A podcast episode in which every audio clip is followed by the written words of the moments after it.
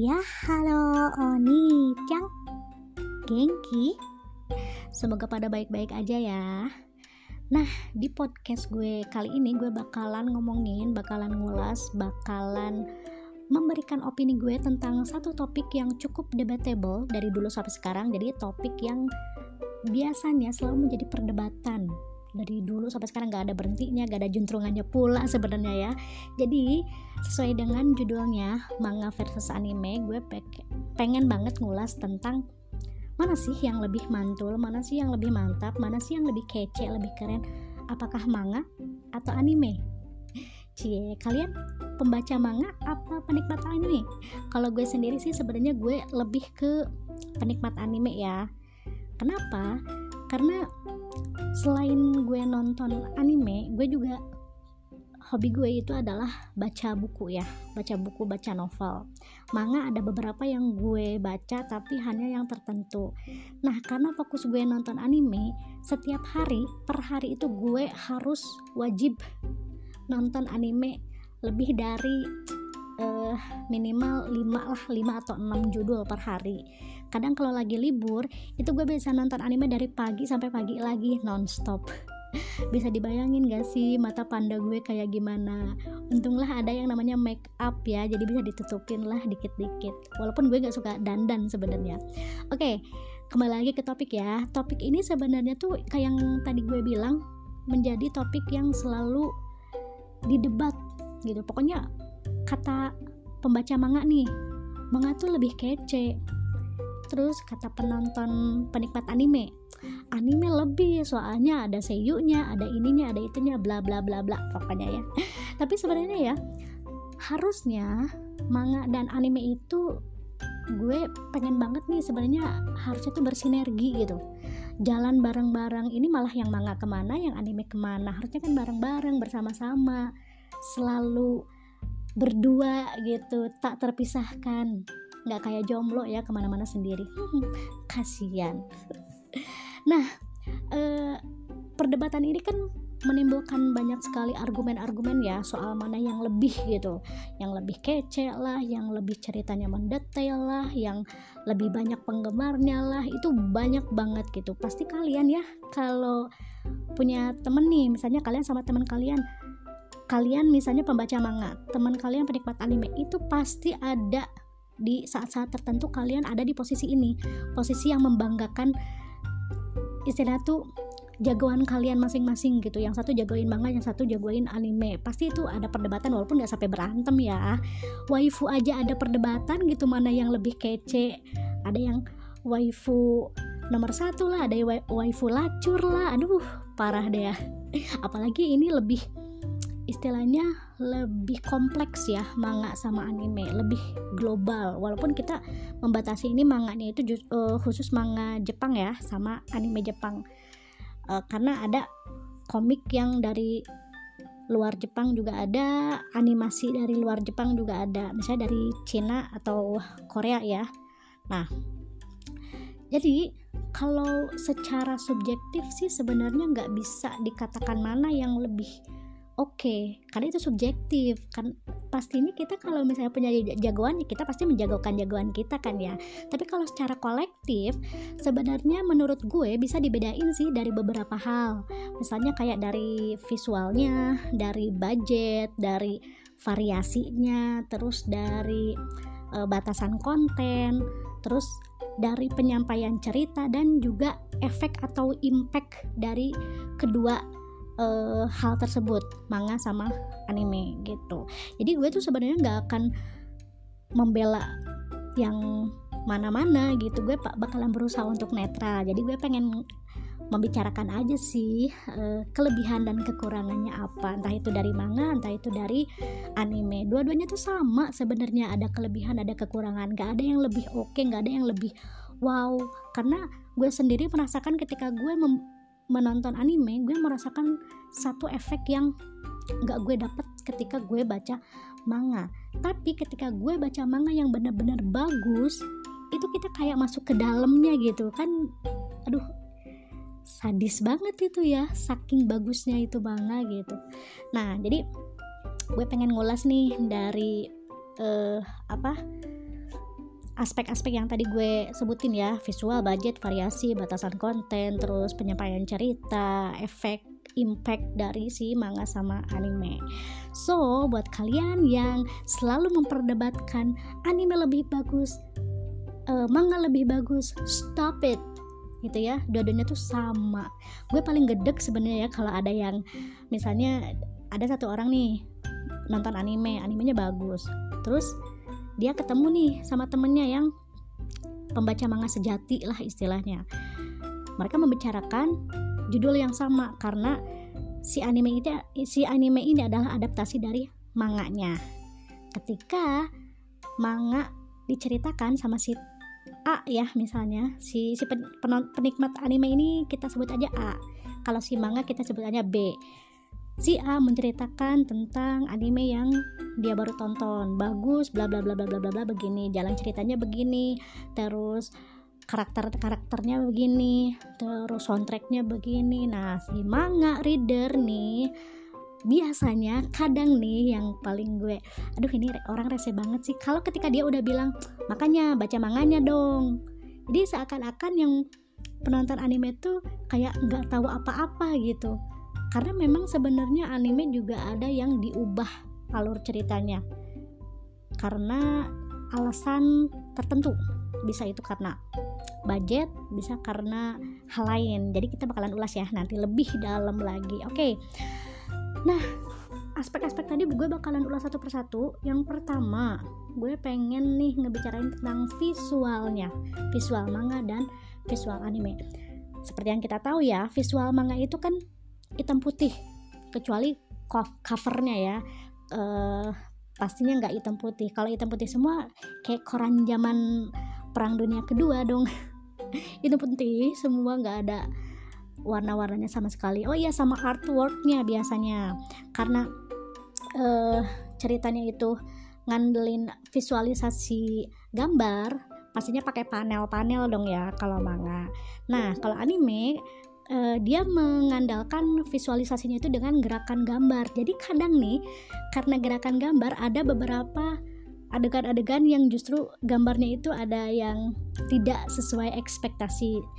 Ket, uh, ini gue inget waktu gue ngomongin di podcast ngomongin tentang grafisnya Haikyuu di episode 15 yang burik banget tuh yang si Kageyama jadi penyok-penyok terus Hinata mukanya aneh terus pergerakan teknik spike-nya yang enggak smooth terus uh, penggambaran apa visualisasi ketika surfnya itu malah tidak sedramatis ketika di episode sebelumnya. Nah itu salah satu kelemahannya anime ketika divisualisasikan kadang dengan gerakan gambar tadi gitu ya. Jadi kadang tidak sesuai dengan ekspektasi. Nah manga juga eh, kadang ada yang gue nggak sukanya tuh karena hitam putih banget. Jadi kadang ada yang burem ada yang gimana gitu. Cuman karena ceritanya bagus kadang menikmati menikmati aja gitu loh. Nah yang kedua itu e, perbedaannya ya. Kalau manga kan hitam putih kalau anime pasti ya. Kalian sudah tahu mengandalkan visualisasi dengan gerakan gambar dan lebih berwarna. Jadinya penikmat anime itu bisa benar-benar terpuaskan dengan karakter yang dia lihat itu bisa memuaskan ekspektasinya gitu loh. Yang kedua gue bakalan ngomongin tentang budget. Karena budget anime itu jauh lebih gede dibandingkan budgetnya manga ya dari sudut pandang produksi ya kita lihat ya. Tentu aja e, banyak banget yang lebih banyak itu manga gitu. Jadi anime itu diproduksi itu cuma dikit nggak sebanyak manga maksudnya. Kalau misalnya si animenya ini laku oke okay, bakalan balik modal ya kan? Tapi kalau manga dia itu stabil biasanya. Dan yang lebih uh, oke okay lagi sih sebenarnya kalau manga itu tidak genre ini itu tidak tergantung sama pangsa pasar. Jadi nih misalnya di anime musim ini season ini itu lagi musimnya anime horor uh pokoknya uh, satu season itu dari 15 anime yang diproduksi yang rilis misalnya yang bergenre horror itu ada 6 sisanya yang lain-lain misalnya romantic comedy sport action thriller terus apalagi ya? E, banyak deh ya. Nah tapi lebih banyak gitu pas musimnya horor horor gitu. Tapi kalau manga itu tidak tergantung sama genre yang sedang disukai sama pasar. Jadi ketika anime uh, horor lagi seret gitu karena pangsa pasarnya nggak terlalu oke okay, kalau manga mah bebas-bebas aja tetap aja uh, manga horor tetap akan selalu ada gitu. Jadi nggak tergantung sama pangsa pasar. Itu sih oke nya nah terus kalau dari segi variasi karena uh, manga itu produksi biaya produksinya itu lebih murah kayak yang gue bilang tadi jadi lebih beragam. Genrenya nggak ngikutin pasar genrenya lebih beragam ceritanya. Wah kita kan bisa lihat ya manga itu jauh lebih banyak dibandingkan sama anime. Karena tidak sembarangan manga bisa diadaptasi ke anime. Ya kalau misalnya yang diadaptasinya itu laku keras oke balik modal. Lah kalau enggak gimana? Ya kan rugi bandar. Itulah makanya. Terus dari batasan konten. Manga itu lebih bebas secara bahasan konten. Mau itu vulgar mau itu goreknya yang keterlaluan mau yang uh, apa ya istilahnya tuh kalimat-kalimat yang dilontarkan kontroversial tuh bebas-bebas aja gitu. Nggak ter nggak terlalu ketat sama peraturan. Sedangkan kalau anime karena terbatas peraturan pertelevisian yang amat sangat diawasi amat sangat ketat ya mau nggak mau. Jadi kalau misalnya anime mengadaptasi manga ada beberapa scene adegan yang mungkin dipotong. Itu bukan mungkin lagi sih pasti dipotong terus disensor istilahnya atau, atau dihilangkan gitu. Jadinya e, mau nggak mau penikmat anime itu ada kurangnya gitu. Jadi dia nggak menikmati seluruh cerita karena dipangkas. Ya begitulah ya. Gue aja sebagai penikmat anime sedih sih. Kalau misalnya gue nonton anime terus ada teman gue yang baca manga terus ngeledekin gue wah baca manganya dong makanya. Di manga tuh ya sebenarnya tuh ya adegannya tuh gini gini gini gini nggak kayak di manga gini gini. Ah gue Cidori itu orang kayak begitu tuh sebel gue. Nah terus uh, dari penyampaian cerita manga sudah pasti lebih detail. Backgroundnya juga lebih detail lebih luas lebih bisa memberikan kita kepuasan tersendiri ketika baca ya. Tapi ada beberapa anime mis uh, ada beberapa yang misalnya kayak uh, manga musikal gitu itu lebih bagus diadaptasi ke anime karena visualisasi musik bakalan lebih hidup ketika menjadi anime gitu ya. Kalau misalnya manga kita, ada ada adegan dia nyanyi ya nyanyi apaan? Kita nggak tahu gitu. Nah terus kalau dari efek impact kalau manga itu kalau gue rasa ya sepengalaman gue impactnya itu lebih ke impact psikologis sih. Jadi ketika misalnya gue baca tentang uh, kalau nggak salah Maho Sojo Site yang sampai sekarang gue nunggu nunggu season 2 nya kagak pernah nongol itu gue sebel banget. Dan kentang ya ujungnya endingnya itu gantung banget padahal di manga itu udah jauh. Itu gue greget sendiri kenapa sih kenapa? Tapi ketika gue emang ah karena animenya nggak ada season 2 ya udah gue baca manganya. Di situ impact psikologisnya kena banget di gue ini animenya benar-benar bikin kita ya pas lagi adegan sedih sedih banget. Yang ketika adegan takut gue merinding. Yang ketika adegan uh, baper kok kayak beneran baper beneran gitu. Tapi untuk anime gue merasakan atmosfernya tuh lebih mengalir. Karena ada seiyunya terus uh, pergerakan gambar yang dinamis lalu ada warnanya gitu. Jadi lebih bisa memanjakan mata gitu. Apalagi anime-anime dengan grafis kayak Kimi no Nawa. Gue apa ya eh, nggak uh, nggak bisa ngebayangin kalau Kimi no Nawa jadi manga. Itu efek kepuasan terhadap ceritanya itu mungkin nggak akan terlalu nendang ya. Karena justru kan Kimi no Nawa salah satu daya tariknya itu kan di grafis makanya ketika dibukukan itu Kimi no Nawa jadi novel ya bukan manga. Karena para penonton sudah mendapatkan kepuasan di grafis animenya. Ketika membaca bukunya ketika membaca novelnya kembali lagi pengen mengantarkan para pembaca untuk merasakan uh, atmosfer yang sama ketika menonton animenya gitu loh. Jadi kalau menurut gue manga sama anime itu sebenarnya sama-sama bagus gitu kan. Cuman kalau yang gue lihat sepengalaman gue juga pembaca manga kadang lebih angkuh gitu dibandingkan sama penikmat anime. Tapi kadang-kadang penikmat anime juga suka ngelawan dan ngelawan balik gitu loh. Misalnya uh, ada temen yang makanya baca manganya dong kadang suka dibalikin lagi sama penikmat uh, anime. Kalau misalnya lo ngebanggain manga ya udah nggak usah nonton animenya. Tapi sebagian besar dan hampir semua pembaca manga juga nonton animenya kan. Ngaku lo jadi mereka kan pengen membandingkan ya. Membandingkan sama nggak sih anime sama manganya? Terus ketika animenya jelek mereka ya pasti bakalan membanggakan manganya animenya jelek mendingan manganya bla bla bla begini. Tapi tetap aja kan kalian para pembaca manga itu menonton animenya. Kalau misalnya kalian pembaca manga sejati ya sudah tidak tidak usah apa tidak usah nonton animenya sekalian gitu. Banggain aja tuh manganya. Enggak deh. Tapi gue sendiri karena uh, penikmat anime juga tapi gue juga baca beberapa manga tertentu yang bikin gue tertarik gitu ya uh, gue agak terlalu agak resah aja gitu agak bosen juga sih kalau misalnya ada yang selalu membanggakan salah satunya. Cuman kalau untuk misalnya diskusi ya bagus. Misalnya di manga nih.